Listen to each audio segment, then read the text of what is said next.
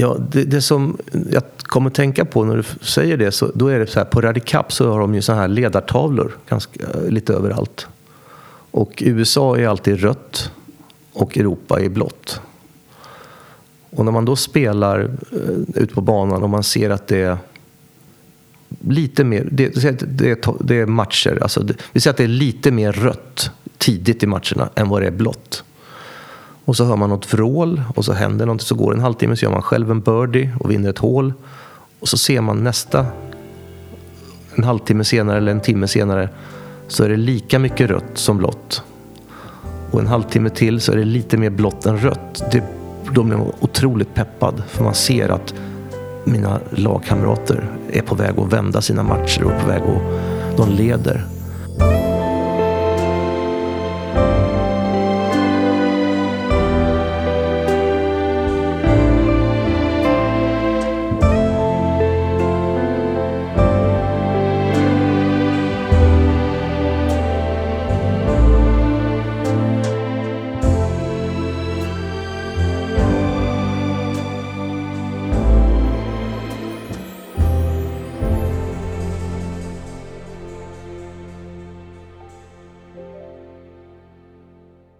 Jag sitter här med en av Sveriges mest meriterade golfspelare. Han har sex vinster på Europatouren, har spelat fyra år på PGA-touren i USA och han har som första svensk två vinster i Ryder Cup. Nu för tiden är han en hyllad kommentator på Viaplay. Varmt välkommen Per-Ulrik Johansson. Tack så jättemycket. Är golf den svåraste sporten i världen? En av dem skulle jag säga i alla fall. För det är, ändras så mycket från dag till dag. När man tror att man har det så har man inte. För det kan vara nästa dag så är det helt bortkastat det man hade dagen innan. Och det är det som visar att det är så otroligt små. Det finns ju många sporter som har små marginaler men just golf är det så många olika moment. Det långa spelet, det är svingen, det är närspelet och allt som kommer därtill med bollplaceringar och viktfördelningar och vind och, och ojämna lägen. Så att det ändras. Eh, det är inte som att spela biljard på ett eh, platt bord. Vad beror det på att man kan vara i liksom flytet en dag, två dagar, fyra dagar och sen som du är inne på en vecka senare så har det hänt någonting? Det är ofta på en högre professionell nivå så är det ofta mentalt. Eh, på en amatörnivå så är det ofta någonting fysiskt. Ehm, så självförtroende är ju härligt i golf där man tycker att det känns eh, det känns som man sitter inne i ett tv-spel och är självspelande. Då, då känns det riktigt bra. Men just för en eh, medelgolfare, en nybörjare som spelar mycket golf, då är det mest fysiskt. Då är det någonting som man är undermedvetet ändrat. Att bollen ligger två centimeter mer till vänster än vad den gjorde för en vecka sedan. Och det kan göra att man går tio slag sämre. Så vad är en skillnad då? Proffsen de har den mentala barriären för där sitter alla de här, tänker jag då, eh, fysiska delarna sedan länge. Medan alla glada amatörer, inklusive jag själv, vi lägger oss till med små saker och helt plötsligt så får det en stor effekt. Jag skulle säga att golfer på amatörnivå på lite högre handikapp är 95 procent fysiskt och 5 procent mentalt. Och nästan tvärtom, motsatt på proffsen. Jag förstår. Då har jag lite att jobba med där tror jag. Du har ju som jag var inne på en eh, minst sagt imponerande karriär. Du har varit i eh, den yttersta världseliten i den här sporten i många år.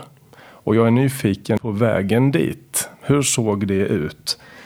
Och vad var det som gjorde att golfen till slut vann överhand? Eh, för jag vet att du har varit väldigt duktig på hockey också. Hockey var nog min näst bästa sport. Jag höll ju på med många idrotter när jag var liten. Eh, I stort sett allt. Om vi tar dem i rangordning så skulle jag säga jag kanske var lite vassare i friidrott. Vi säger golf var nog nummer ett. Två friidrott tre hockey. Sen var jag hyfsad faktiskt i innebandy och basket trots att jag inte har längden för basket. lite fotboll. Så det var sex, sju sporter samtidigt. Och det kunde man göra på 70 och 80-talet, eller 80-talet ska jag säga. För då tränar man inte fyra dagar i veckan året runt med samma sport, vilket man gör nu, vilket jag tycker är synd. Man, barnen och ungdomarna specialiserar sig eh, för fort, tycker jag, på, på en idrott. Så att... Eh, det var så det var lite grann. Men sen när jag blev 15, 14, 15 så eh, blev jag uttagen till första, den här första grejen till TV-pucken för Småland. Det var väl en 50 grabbar då som åkte iväg.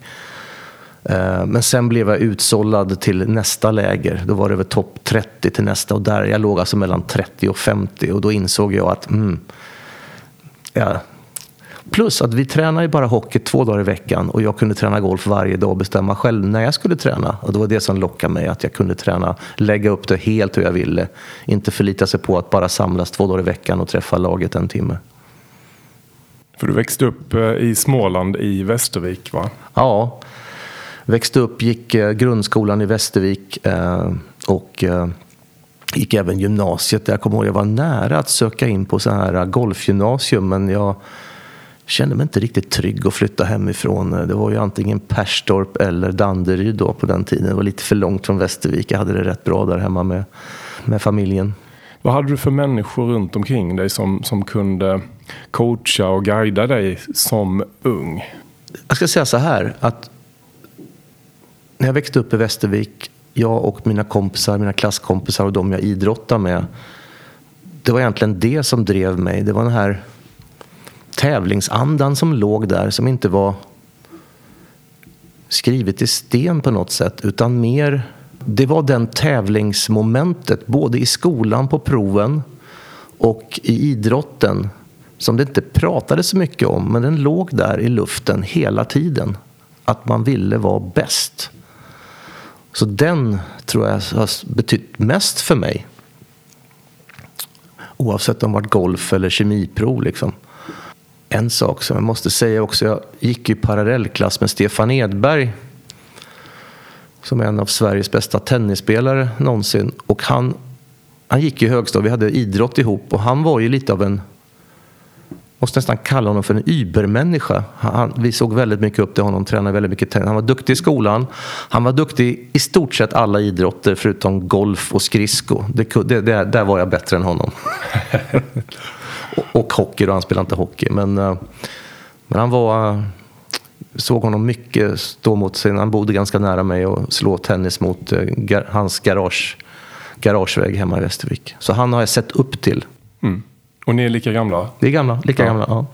Så redan i ung ålder på något vis så kunde du identifiera honom som, eh, vad ska man säga, en referenspunkt lite. Han, han tränade på, han var duktig, han var erkänd.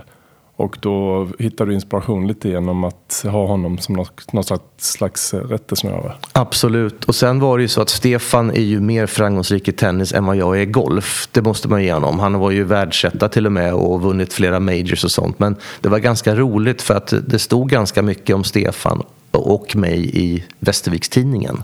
För de som var golfintresserade så stod en del om mig. Men det gick ganska fort för Stefan att komma ut i världseliten. Det tog mig lite längre tid.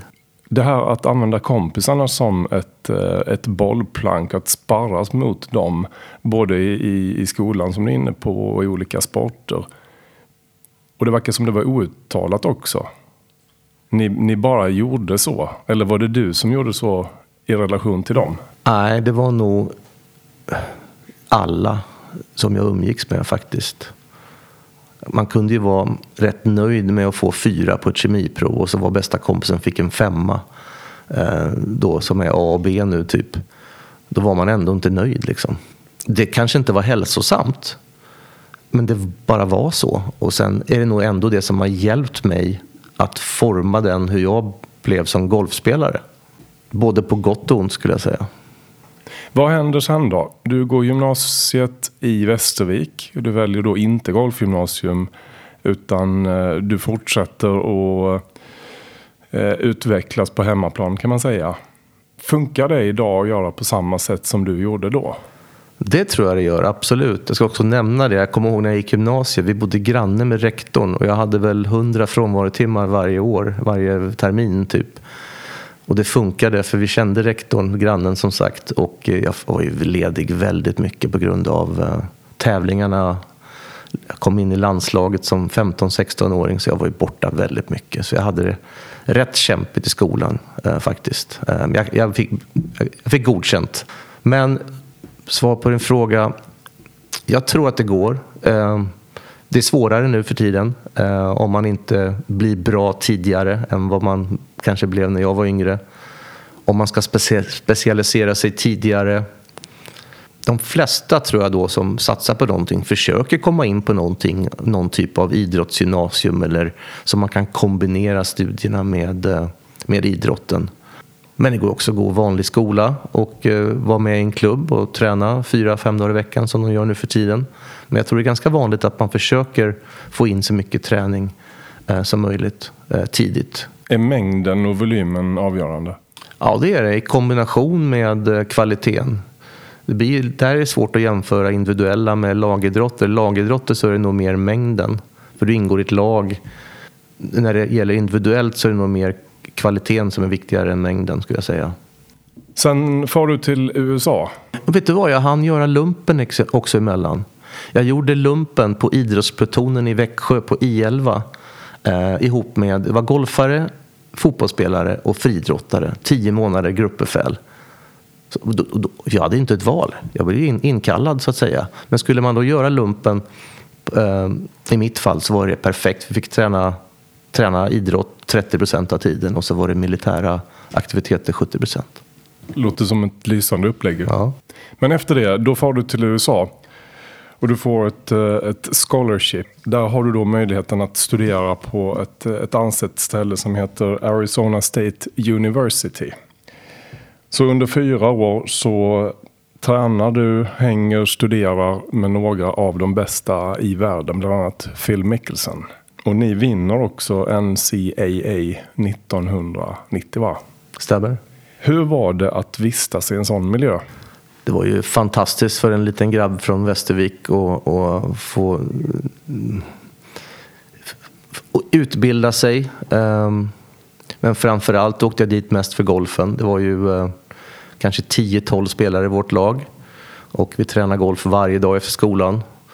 Och så var det då bara fem spelare som, blev uttagna till de tävlingarna vi spelade. College-tävlingar mot andra skolor så att säga. Så det var tuff konkurrens faktiskt.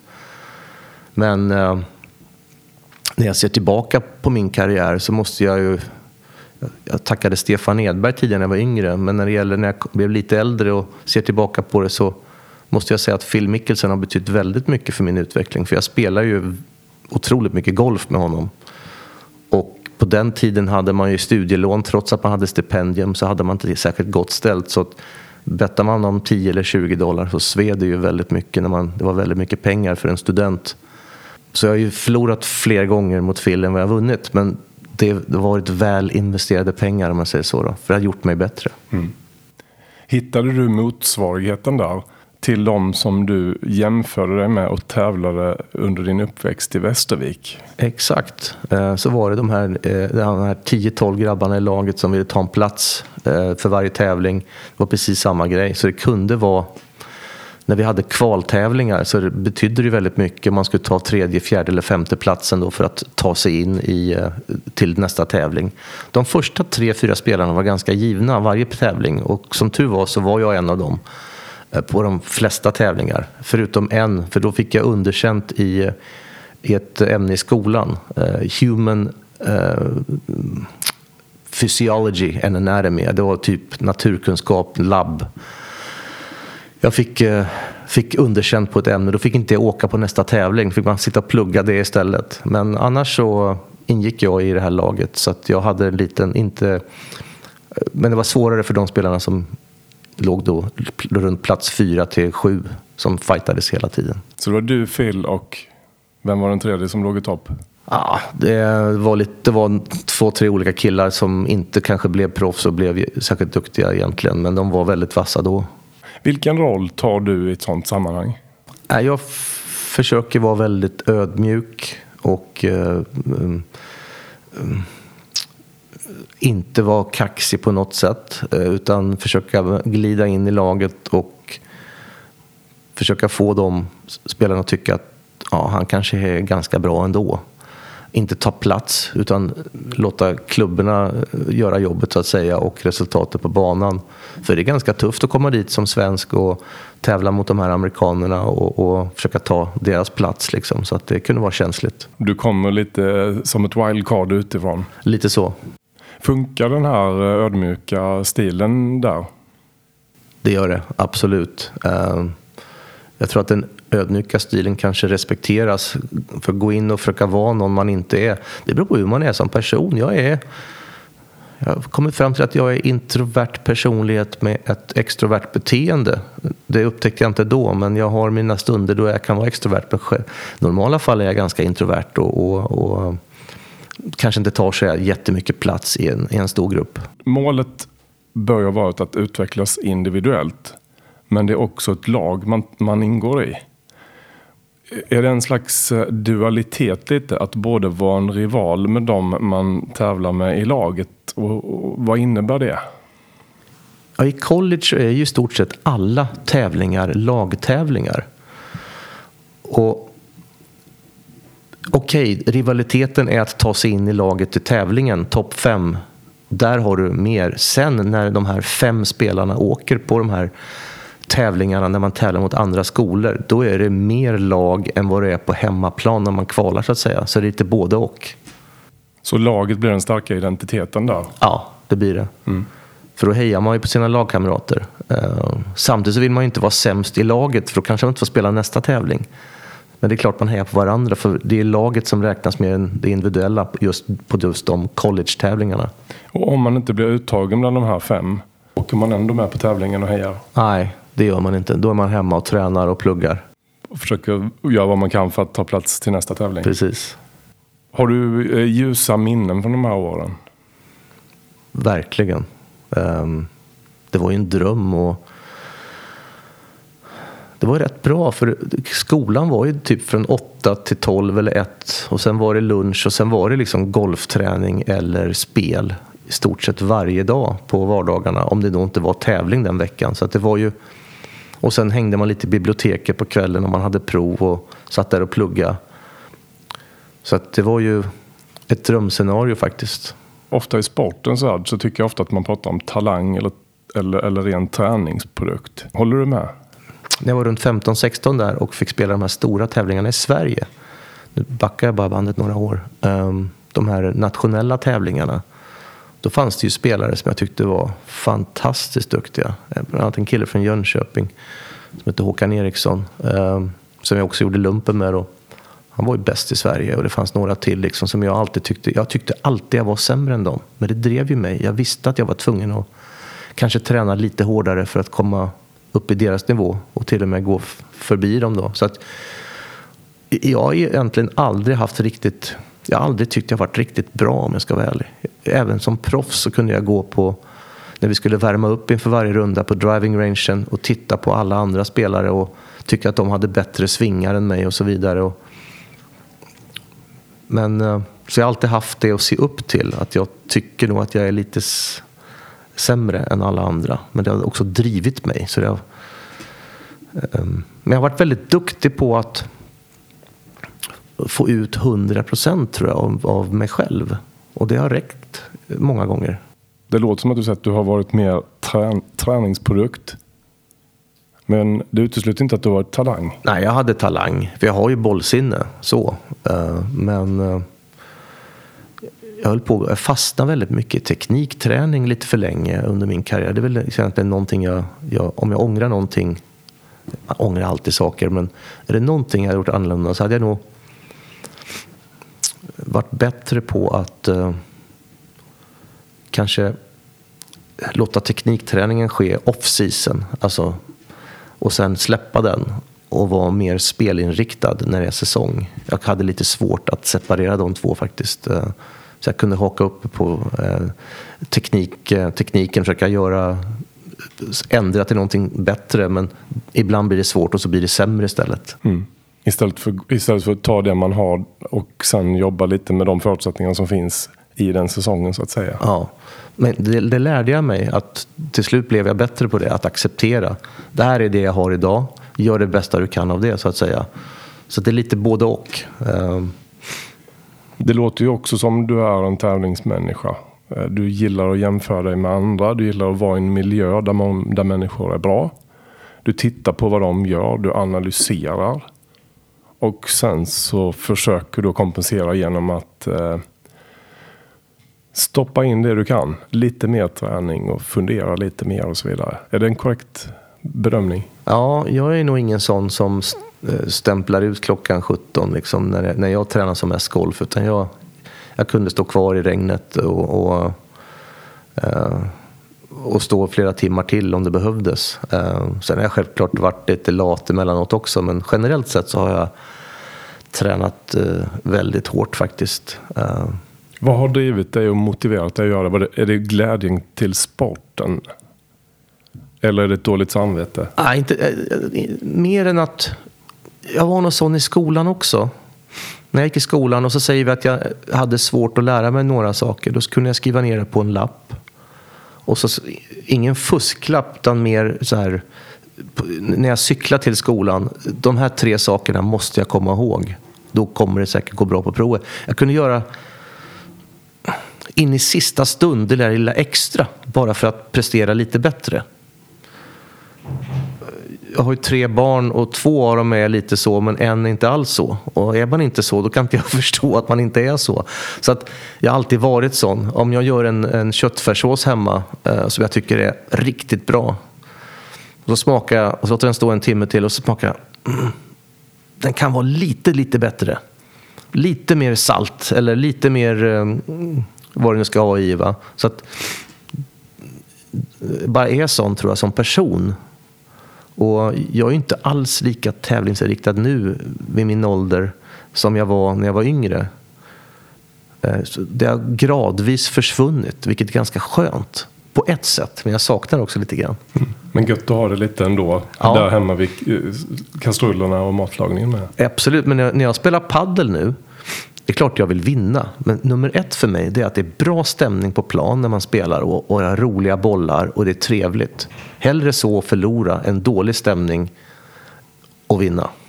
Jag håller med dig. Jag spelar lite padel också. Jag förlorar gärna bara det är kul på plan. Ja.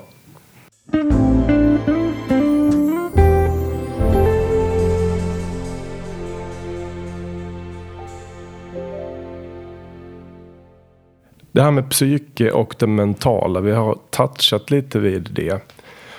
Och eh, det kommer ju in i allt man gör. Och jag är ju en glad golfamatör. Och, och, och jag inser bara att jag är min största fiende ofta på banan. Jag kan slå några bra slag och det kan vara några bra hål. Och sen blir det ett dåligt slag och då ballar jag ur. Det var mycket värre när jag var yngre. När jag spelade tennis, jag slog sönder tennisrack. Jag vet inte hur många golfklubbor jag har halverat.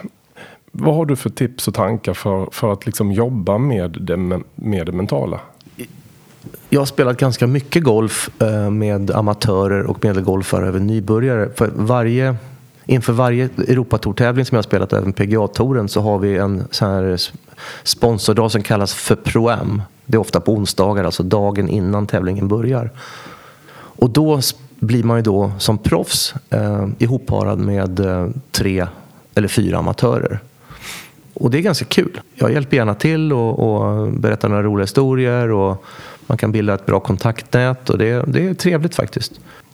Jag skulle säga om man ska summera då lite generellt sett så tycker jag att de flesta är ganska okej från tid till green.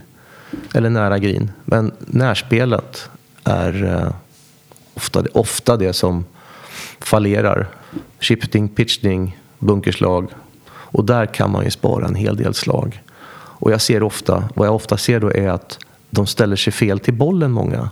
De har fel viktfördelning, de har bollen fel placerad. Så att då grundförutsättningarna finns inte riktigt där. Och då tror ju de kanske att de måste träna lika mycket som ett proffs. Nej, gör man de här små grundändringarna bara, med hur man ställer sig till bollen, så behöver man faktiskt inte träna särskilt mycket för att det funkar nästan med automatik. Så det kommer av sig självt om man ändrar de här vad ska man säga, te- tekniska delarna av sitt spel? Halva vägen kommer man i alla fall och blir bättre om man träffar bollen rent på grund av att man har rätt uppställning och rätt viktfördelning och händerna på rätt ställe och, och väljer det lättaste slaget. Lite coaching, lite course management som man, som man säger. Men om jag kommer in på det mer mentala, det som är intressant är det man hör när jag hör mina kompisar som spelar golf och så säger vi att någon har 12 i handikapp och så går de första nio på 37 slag, ett över. Vilket är väldigt mycket bättre än vad, de, vad som är på handikapp. Och så sista nio går det ofta riktigt, riktigt illa. Ofta beror det på att de inser vad de håller på att ställa till med. Att gå så mycket bättre än vad som är normalt. Det är, man kommer utanför sin comfort zone och börjar tänka för mycket på att åh, jag kommer spela min bästa score, jag kommer sänka mig. Var, eller vad det nu är. Eh, och det där är ju det svåraste i golf, även på proffsnivå. Att inte egentligen veta hur man ligger till, utan man slår varje slag så bra man kan. Och det, det är otroligt svårt att vara helt i nuet. Det är nästan som att man skulle vilja sudda bort vad man har gjort. Så att varje slag är ett nytt slag just då, så att säga. Och man vet inte ens vad man har gjort tidigare. Och det här fick jag hjälp med eh, av en, eh, en fantastisk kille som heter Kjell Enhager som jag jobbat med i många år. Inte bara i golfen utan även privat. Eh, vad som är bollplank, eh, pratade med honom mycket, en hel del. När jag hade det som jobbigast med min golf när jag bodde på, i USA för då hade jag lite ont i höften, jag tappade torkortet där borta. Då hade jag en lång session med honom på telefonen. Och så ställde han en fråga till mig.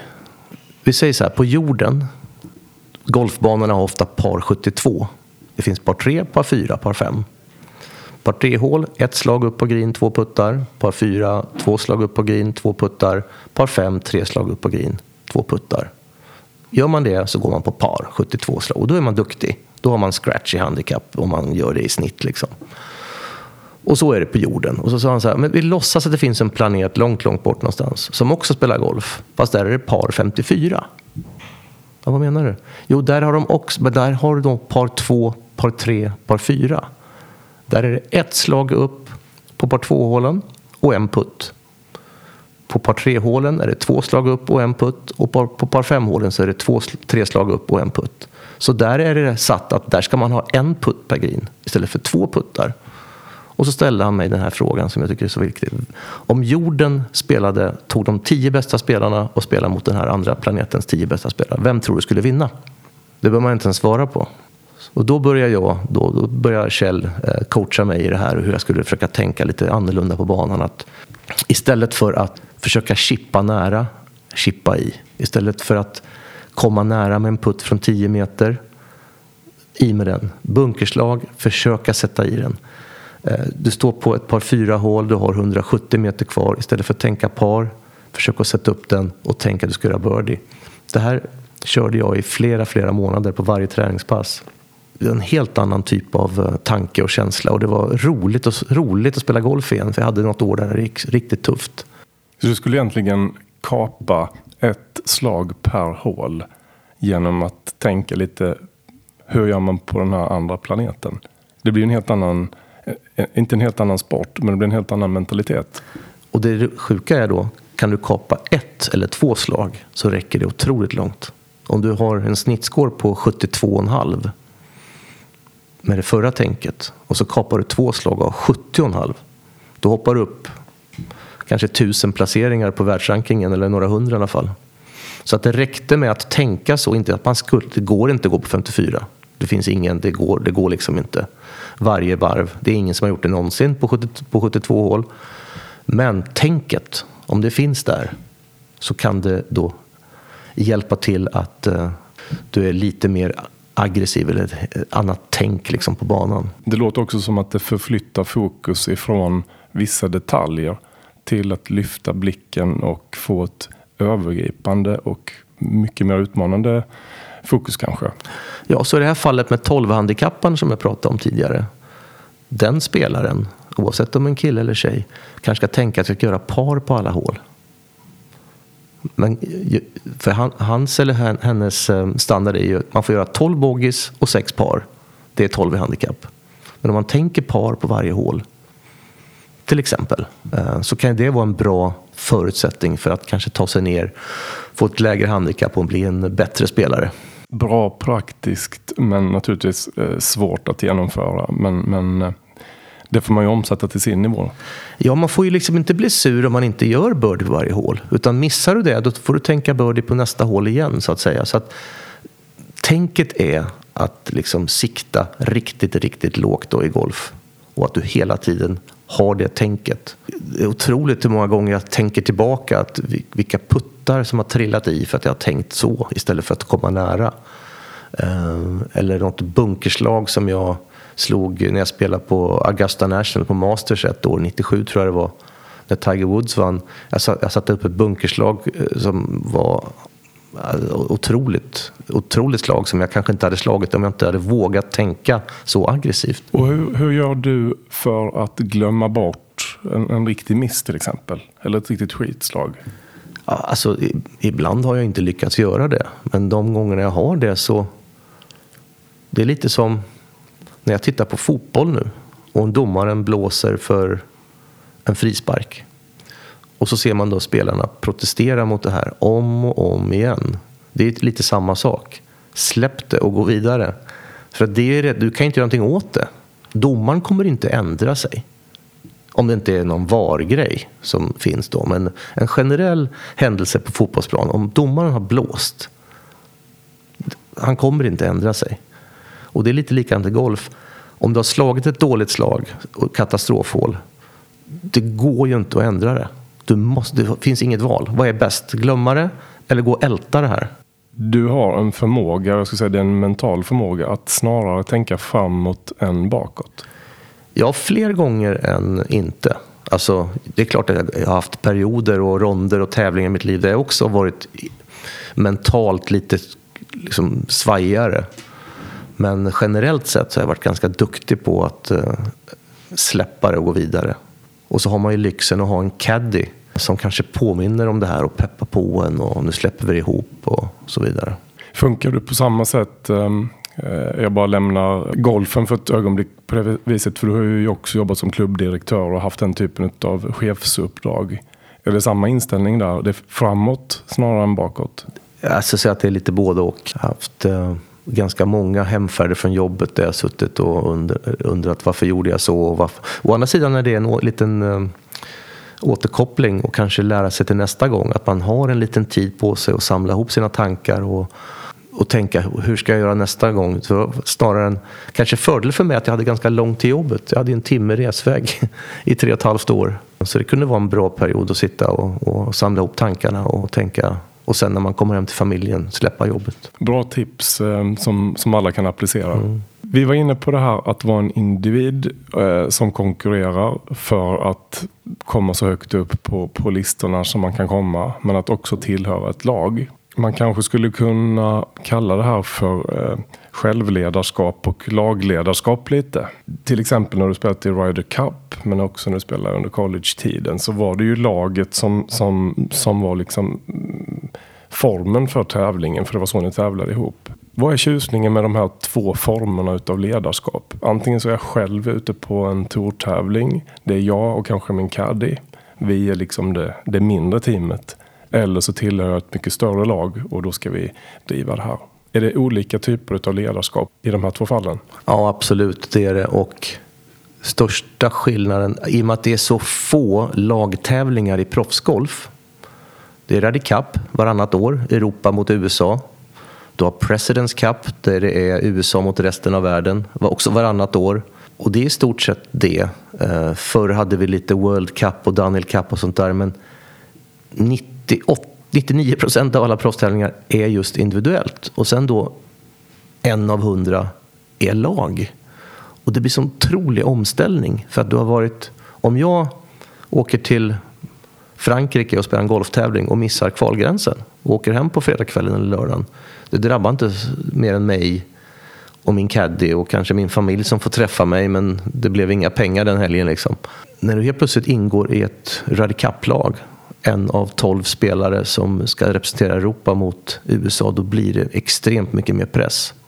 Och det är riktigt tufft alltså, för det är en så ovan situation. Och då är det ju bra att ta hjälp av, i mitt fall så tog jag hjälp av några av veteranerna som hade spelat flera Radicap. Hur man ska förhålla sig och så vidare. Ehm, men det, man kände ju lite extra press och ansvar och man ville bidra liksom. Och, och är man då uttagen så vill man ju verkligen visa upp sig och prestera. Så att, eh, det är en väldigt stor skillnad. Vilka var det du tog hjälp av? I mitt fall, jag hade väldigt tur. 1995 var mitt första Rally Cup i USA, eh, i Rochester, New York. Och då, mm, för de som är insatta i golfen, Bernhard Langer, tysken, är ju en av eh, ja, kanske topp 10, topp 15, 20 spelare i världen någonsin. Håller fortfarande på, han är 65 bast och spelar på seniortouren. Han på den tiden var ju eh, så att säga, den, en av de duktigaste spelarna men också framförallt väldigt ödmjuk och snäll och, och, verkligen bidrog. Och jag fick ju spela ihop med honom i uh, Rally Cup i uh, första matchen. Som vi spelade då, eh, fyrboll bästboll där man spelar ihop mot två andra amerikaner. Och det hjälpte mig otroligt mycket. Vi hade en Forsa-match där, där man spelade varannat slag. Det var första matchen. Då, då frågade han, vi hade bestämt att jag skulle slut först på ettan. Och så tittade han på mig på puttinggrinen innan och såg att jag var kanske något vitare i ansiktet än jag varit eh, dagen innan och frågade om allting var okej. Okay. jag är rätt nervös, sa jag det är okej, okay, jag kan ta hand om första utslaget. Så vi bytte liksom, eh, vi hade en strategi. Och det hade man inte kunnat göra om jag skulle spela ihop med någon som kanske har en helt annan typ av spel. Men vi var ganska lika, Langer och jag, i typen av spel. Vi slog ungefär lika långt. Så det gjorde inte så mycket med strategin att han slog ut på ettan istället för mig. För man slog ut på varannat hål så att säga. Så en, en, eh, en ödmjukhet från din sida men också från dem du sökte ja, lite stöd av på det här sättet. Det låter som ett väldigt begåvat och smart naturligt drag. Men som kanske vissa inte vågar eh, eh använda sig av för att man skäms. Ja, men I och med att han frågade, jag kanske inte hade sagt till honom, men han kom fram och såg att jag såg rätt stirrig ut. Alltså. Vad gillar du bäst? Om, så här, är det lag, lagsammanhanget eller det individuella? Jag är ju mer van med det individuella. Så att jag skulle säga att jag föredrar nog det. Men det är väldigt kul att få blanda upp eh, det individuella med lite lag ibland. För att testa sig själv och få lite nya utmaningar. Vad är det som händer i ett lag som plötsligt går som tåget? Du har ju tillhört Ryder Cup, ni har två vinster. Vi ser det i, i alla sporter mer eller mindre där det finns ett lag. Man kan, man kan förstå att det finns en dynamik någonstans. Allting klaffar och alla levererar liksom på max och helheten förstärks. Går det att beskriva på något vis? Vad är din syn, vad är dina tankar kring just den här dynamiken när allting bara blir toppen? Ja, det, det, som jag kommer att tänka på när du säger det, så, då är det så här, på Radicap så har de ju så här ledartavlor ganska, eh, lite överallt. Och USA är alltid rött och Europa är blått. Och när man då spelar uh, ut på banan och man ser att det är lite mer, det, det, det är matcher, alltså det, vi säger att det är lite mer rött tidigt i matcherna än vad det är blått. Och så hör man något vrål och så händer något. Så går det en halvtimme så gör man själv en birdie och vinner ett hål. Och så ser man nästa, en halvtimme senare eller en timme senare, så är det lika mycket rött som blått. Och en halvtimme till så är det lite mer blått än rött. Det, då blir man otroligt peppad för man ser att mina lagkamrater är på väg att vända sina matcher och är på väg att de leder. Och, och, en sak som hände när jag alltså backar bandet lite grann. Dunhill Cup ett år. Eh, Sverige, eh, vi hade ett lag, tremannalag, man spelade mot andra länder på St. Andrews. Ett år var Joakim Häggman med och spelade. Han tror han spelade mot Justin Leonard. Och då hade de också sådär score hur man ligger till. Och då var det inte matchspel utan slagspel. Jag kommer ihåg för varje hål man spelade så hade de en scoreboard. Häggman var ett under efter ettan, två under efter tvåan, tre. Han fortsatte, han gick åtta eller nio under första nio hålen. Och det påverkade, så alltså, det var helt galet hur bra han spelade. Och det påverkar oss som spelare före honom. Att vi blev så peppade av det liksom. Man får se, man ser liksom hur ens lagkamrater är och, det, och då kanske jag ligger under i min match men det gör att jag får eh, självförtroende och, och en helt annan dynamik. För här skiljer ju sig golfens lagspel från liksom fotboll och, och hockey. Där finns ju alla på isen samtidigt. Medan på en golfbana så är ni utspridda på olika hål. Så ni kan ju inte samlas under de här fem timmarna det kan ta att gå en rond. Utan ni ses innan och sen ses ni efteråt. Ja. Så er inspiration det hämtar ni lite från den här tavlan som förenar er och det där, eh, det där känslan liksom har sin upprinnelse. Exakt. Nu för tiden så är ju du mest inriktad på att kommentera golf på tv och du är en uppskattad kommentator. Och det slår mig när jag lyssnar på dig att du säger saker som jag är intresserad av att, av att uh, lyssna på. Jag får ett intryck av att du har en kä väldig känsla för, för detaljer och att du kan förstå tittarens intresse för relevanta detaljer. Så det är ungefär som att med dina proffserfarenheter, din proffsblick, så kan du prata till amatören. Förstår du vad jag menar med det? Ja. ja, men jag hoppas ju på det och sen kan man ju inte kanske tillfredsställa alla tittare. Men eh, jag måste göra min grej. Jag har alltid tänkt på det. En, en politiker som är framgångsrik kanske bara får 30 procent av rösterna i hela Sverige eller i utlandet och då har man gjort det ganska bra. Men kan jag få lite mer än det så är jag nöjd. Men jag har alltid tänkt att jag måste göra det till min grej. Jag, kan, jag ska inte försöka vara någon annan. Sen kommer jag säkert bli kritiserad för vissa saker jag säger. Men jag ska ta ett exempel. Henrik Stensson som är Sveriges mest framgångsrika herrgolfare. Som jag uppskattar, tycker är fantastisk. Och en väldigt bra kille. Som för övrigt är Ryder Cup-kapten nu eh, nästa år för eh, Europas lag. Jag måste ju i tv säga varför jag inte tycker han spelar bra. Och då har jag kanske någon gång sagt att uh, han fortsätter att slå sin spon. Han slår inte sin driver. För han har haft problem med sin driver i många år. Då måste jag ju kunna säga det och kanske ifrågasätta varför han inte kan slå med driven. Så jag vet inte vad Henrik tycker om det. Men det kan inte jag... Utan det är mitt jobb att det innebär inte att jag, jag älskar Henrik Stenson. Jag tycker han är fantastisk för svensk golf. Men jag måste ändå ge tittarna min version och var, varför jag tror att han, att han inte eller varför inte han spelar bättre än man gör. Mm. Du behöver vara uppriktig i den ja, rollen. Och, ja. det, och det skiljer sig mellan sak och person ja, naturligtvis. Ja. Mm. Sen stöttar jag Henrik. Jag berömmer, har berömt honom mycket mer än vad jag har sagt. Jag har inte sagt någonting illa om honom alls. Men eh, jag måste, det, det känner jag är mitt jobb som kommentator. att förmedla. Det var bara ett exempel.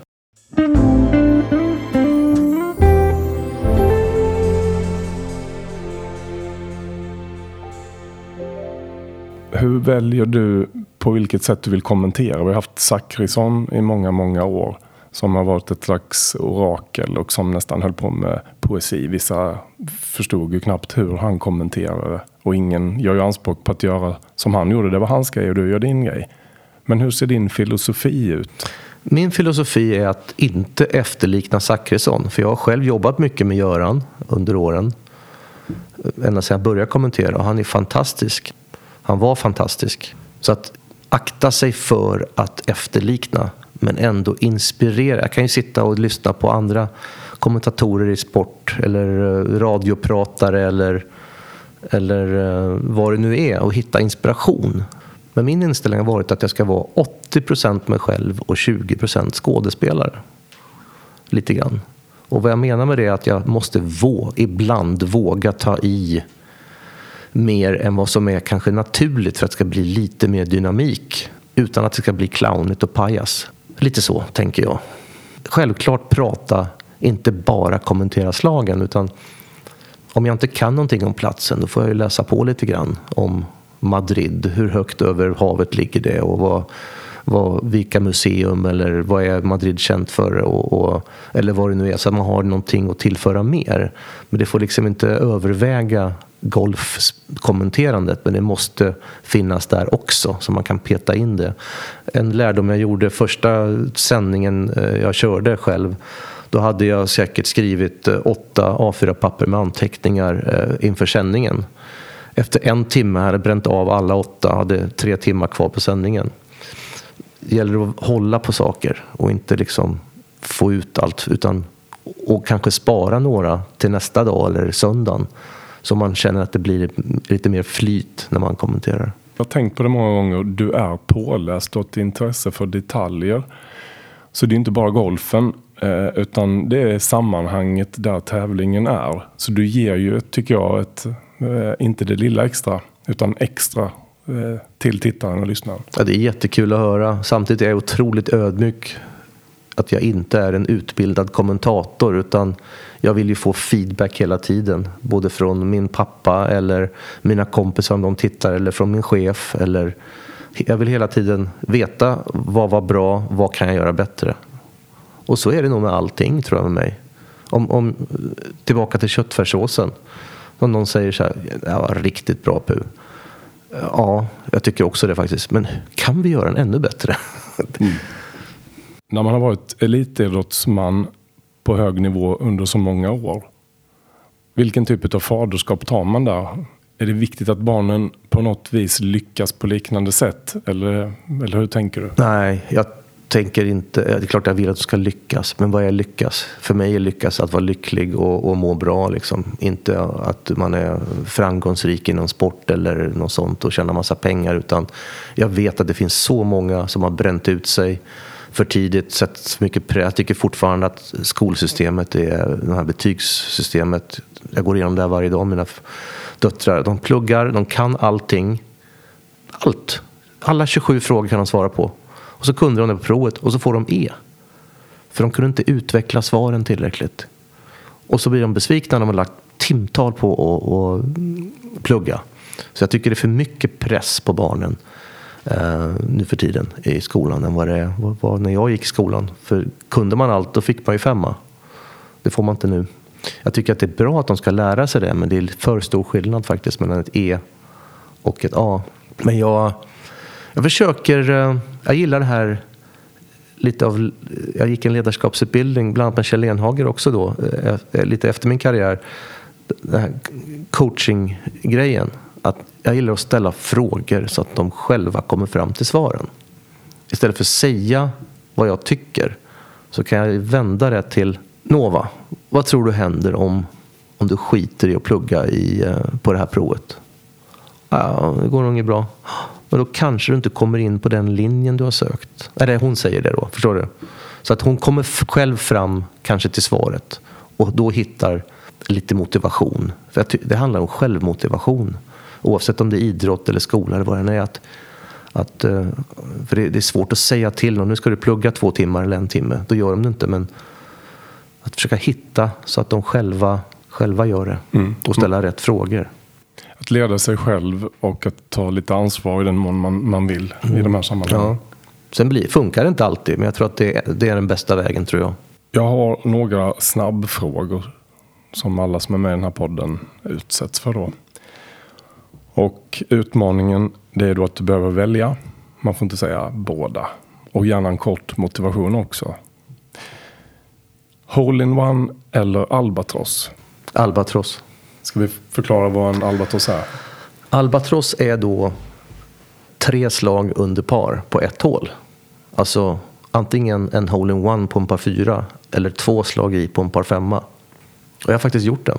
Du har gjort den? Mm. Och hur många Hole-in-ones har du gjort? Tre. Tre. Så Albatross det vinner över Hole-in-one? Ja, det gör det. En klockad driver eller en klockad järntvåa? Klockad järntvåa. För att det är en svårare klubba att slå med. Eh, den är inte, bollen är inte uppeggad som är med driver. En, en klockad drive har jag nog slagit 75 000 gånger. Men en klockad järntvå har jag inte gjort så många gånger. Uh, så när man väl gör det, det är en större utmaning helt enkelt än, än en drive. Så att, och då, just en järnklubba uh, på min tid när vi spelade med de här små klubborna som inte var alls förlåtande, bladklubbor som det kallas för. Slog man då en klockad järntvå, då var det så här knytnäven upp. Där satt den. Ja. En individuell vinst eller vinst i ett lag? Hmm. Den var svårare faktiskt. Nu kommer jag till det problemet. Jag får inte säga både och. Jag säger laget för att det är så sällan man får uppleva det i golf. Du pratar om de här 98-99 procenten som var det individuella. Mm. Du lagar ju mycket mat också och har ett stort matintresse. Om du behöver välja mellan att laga någonting som är kött eller fisk, vad väljer du då? Laga kött, men eh, eh, bjuda på typ fisk eller skaldjur. Alltså, eh, jag älskar ju skaldjur. Eh, en, en skaldjursplatå och ett glas iskallt chardonnay är fantastiskt. Så att eh, om jag går ut och äter och är på västkusten eller någonstans då uppskattar jag eh, räkor, kräftor, hummer och sånt. Eh, jag är inte särskilt bra på att tillaga fisk hemma. Även om jag gjorde lax, eh, TikTok-lax igår. TikTok-lax, har du gjort den? Nej. Nej. Den är jättebra, kolla upp det. Men det är ganska enkelt. Men det är lättare att tillaga kött än fisk tycker jag. Sen har du också ett stort vinintresse. Det finns en skiljelinje såklart mellan vitt och rött. Det passar för olika saker, men hur väljer du? Rött. Varför då? Jag äter nog mer mat som passar med rött. Därför uppskattar jag då ibland den här fisken eller skaldjursrätten. Att få gå bort från rött och dricka lite vitt. Mm. Så det kan bli för tråkigt att göra samma sak hela tiden. Men, eh, men eh, jag tycker att rött vin är lite roligare att läsa om. Det finns lite, för mig eh, just nu, kanske annorlunda om fem år, kanske jag läser mer om vita viner. Men jag tycker det är väldigt roligt att, att dricka, dricka franska viner. Men sen en månad senare så är du inne i Australien och kanske läser om det och köper någon flaska där. Så möjligheten att nörda ner sig lite kanske återigen eh, vinner och i det här fallet omsätts det till det röda vinet då? Ja, ja men jag nördar ju ner mig i det mesta. Det har varit väldigt spännande att lyssna på eh, dig, hur, du, eh, hur din karriär har sett ut. Alltifrån uppväxt till, till eh, ja, det här karriärsvalet som har tagit dig på en resa eh, genom livet. Det finns några teman här som eh, jag bara tänkte ge dig lite feedback på eh, som åtminstone jag har stannat upp vid under vårt samtal. Dels tycker jag att du hyllar multitaskingen. Värdet av att hålla på med många olika saker. Det skulle kunna vara liksom ett tips till, till eh, ungdomar idag. Specialisera er inte för tidigt utan dra lite mm, växlar på det och njut av olika saker. Ehm, och kompisgängen eller sammanhangen som du har vistats i så låter det som att du i princip alltid har tagit utblickspunkten av att betrakta andra, titta vad de gör, jämföra dig med dem för att driva dig själv och bli bättre. Du har en ödmjuk stil det har du sagt själv, men det lyser också igenom i samtalet här. Och du har inget problem med att ta råd av andra och, och faktiskt be om hjälp. Och samtidigt så kommer den här analytiska tävlingsmänniskan finns där i det ödmjuka. Ner i detaljer. Lagar du mat, köttfärssås till exempel. Det var gott, men kan det bli bättre? Vissa kanske skulle känna att man lägger ett tryck på sig själv. För jag känner igen mig i i just de här exemplen som du tar. Men för mig är inte det ett problem eller det är inte jobbigt. Det är nyfikenhet som driver mig. Jag tror att det är precis detsamma hos dig. Du vill analysera, smaka en stund senare och fundera på mm, om jag kan ändra lite. Någon komponent här i sammansättningen. Och det tror jag också är ett tema som går igenom både hur du är som person och hur du är i självledarskap och i lagledarskapssammanhang. Du har heller inte problem med att eh, fråga om råd av andra, ta intryck av andra. Och, och, på något vis så, så, är du en sökare lite där på resan mot någon slags, ja kanske inte per, perfektion, men mot en, en självledarkänsla som har varit din ledstjärna under årens lopp. Och feedback, det vill du ha på banan, du vill ha det i köket. Du vill ha det om du kommenterar golf. Och det tycker du, då mår du bra för då får du veta hur var det här egentligen? Hur träffade det mig? Hur kan jag bli lite bättre nästa gång? Mm. Pricka några av dina egenskaper här. Verkligen. Och jag ska säga nyckelordet är nog nyfikenhet för mig. Och det måste inte vara att jag är bäst utan mer, jag, jag är väldigt nyfiken. Jag, jag fastnar i saker som kanske inte är så viktiga men som gör mig intresserad. Och det är både, både på gott och ont tror jag. Det kan vara lite tidsödande ibland men jag lär mig någonting på vägen. Och där hittar du din självmotivation säkert också. Mm. Så det blir ett, ett, eh, ett hjul som rullar framåt på det sättet.